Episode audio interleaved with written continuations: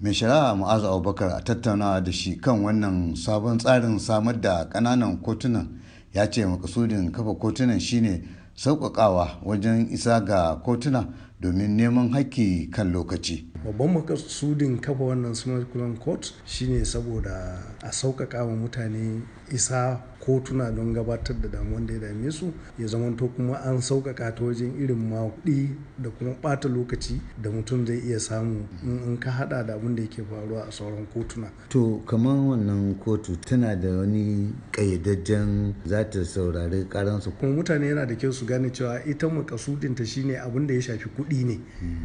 Ba a kawo ƙarar laifi a cikinta ba a kawo ƙara koda na ɗan haya ne. Ba ta da hurumi akan irin wannan. Abu ne wanda yake kaman kana da wani ƙayyadadden kuɗi da kake bin mutum wanda bai wuce miliyan uku ba. Kwana 60 da farawa da gamawa da a gama wannan shari'a cikin kwana 60 to mutum zai iya ɗaukaka ƙara? Idan aka yi hukunci bai gamsu ba wanda duk bai gamsu ba a ciki zai iya ɗaukaka ƙara zuwa high court. Wanda aka yi hukunci a kansa bai biya ba za a nemi wani kaddara yake da shi. Kotun sai ta kama wannan kaddaran sai ta sayar sai ta biya mai kuɗi kuɗinsa. to sai dai kuma kan wannan hoɓɓasar da ma'aikatar shari'a ta jihar bauchi ta bijiro da shi na tuntuɓi wasu mazauna garin bauchi ga abin da suke cewa. sunana ibrahim muhammad sani an fi sani na da ibrahim arab bauchi central market. Wannan babban abin murna ne da farin ciki ga duka bangarori guda biyu.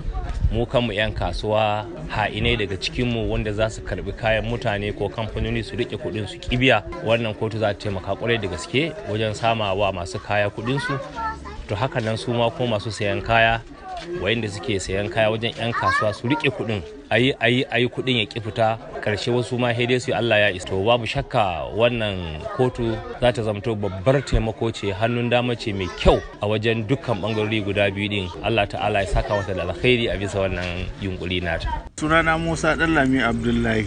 Wannan al'amari yana da kyau. Ai dama lokacin da zaka ba wa mutum bashi ma ka san yana da hanyar samu ne wanda zai biya ka. To amma saboda wani zalunci irin namu na dan adam sai mutum yana ganin ya samu kuma ba zai iya zuwa ya zo ya mayar maka ba. Kotu ta yi abu mai kyau ƙwarai da gaske da aka yanke iya lokacin da za a takaita har ila yau na ji ta bakin shugabannin addinai kan samar da kotunan da jihar bauchi ta yi. Ga abin da suke cewa. Sunana Imam Sa'idu Dalhatu Bawa, limamin masallacin Juma'a wadda ke kan titin Murtala Muhammad daura da gidajen ma'aikatan ruwa a nan cikin garin Bauchi.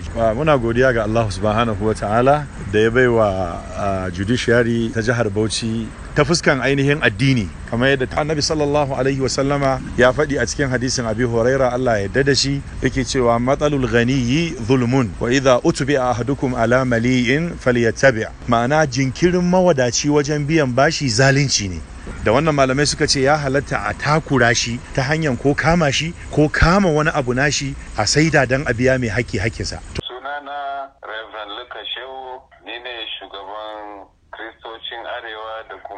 Fastoci 'yan kasa.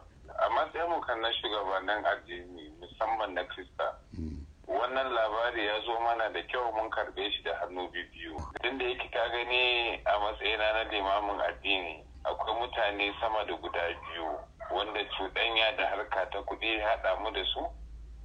Wato har yau ɗaya shekara shekara sama da shekaru biyar wani sama da shekaru biyu da krista da musulmi. Kaga wayan da ake bin su bashi suka an shi aran kuɗi ku kaga dole ne yanzu da gaggawa don tsoron kara gurbatar da su wurin hukuma wanda sakamakonsa shi ne kaddaransu za a saita kuma na tabbata cikin tsarin wannan doka da aka yi. Abdulwahab muhammad mura amurka daga bauchi a najeriya.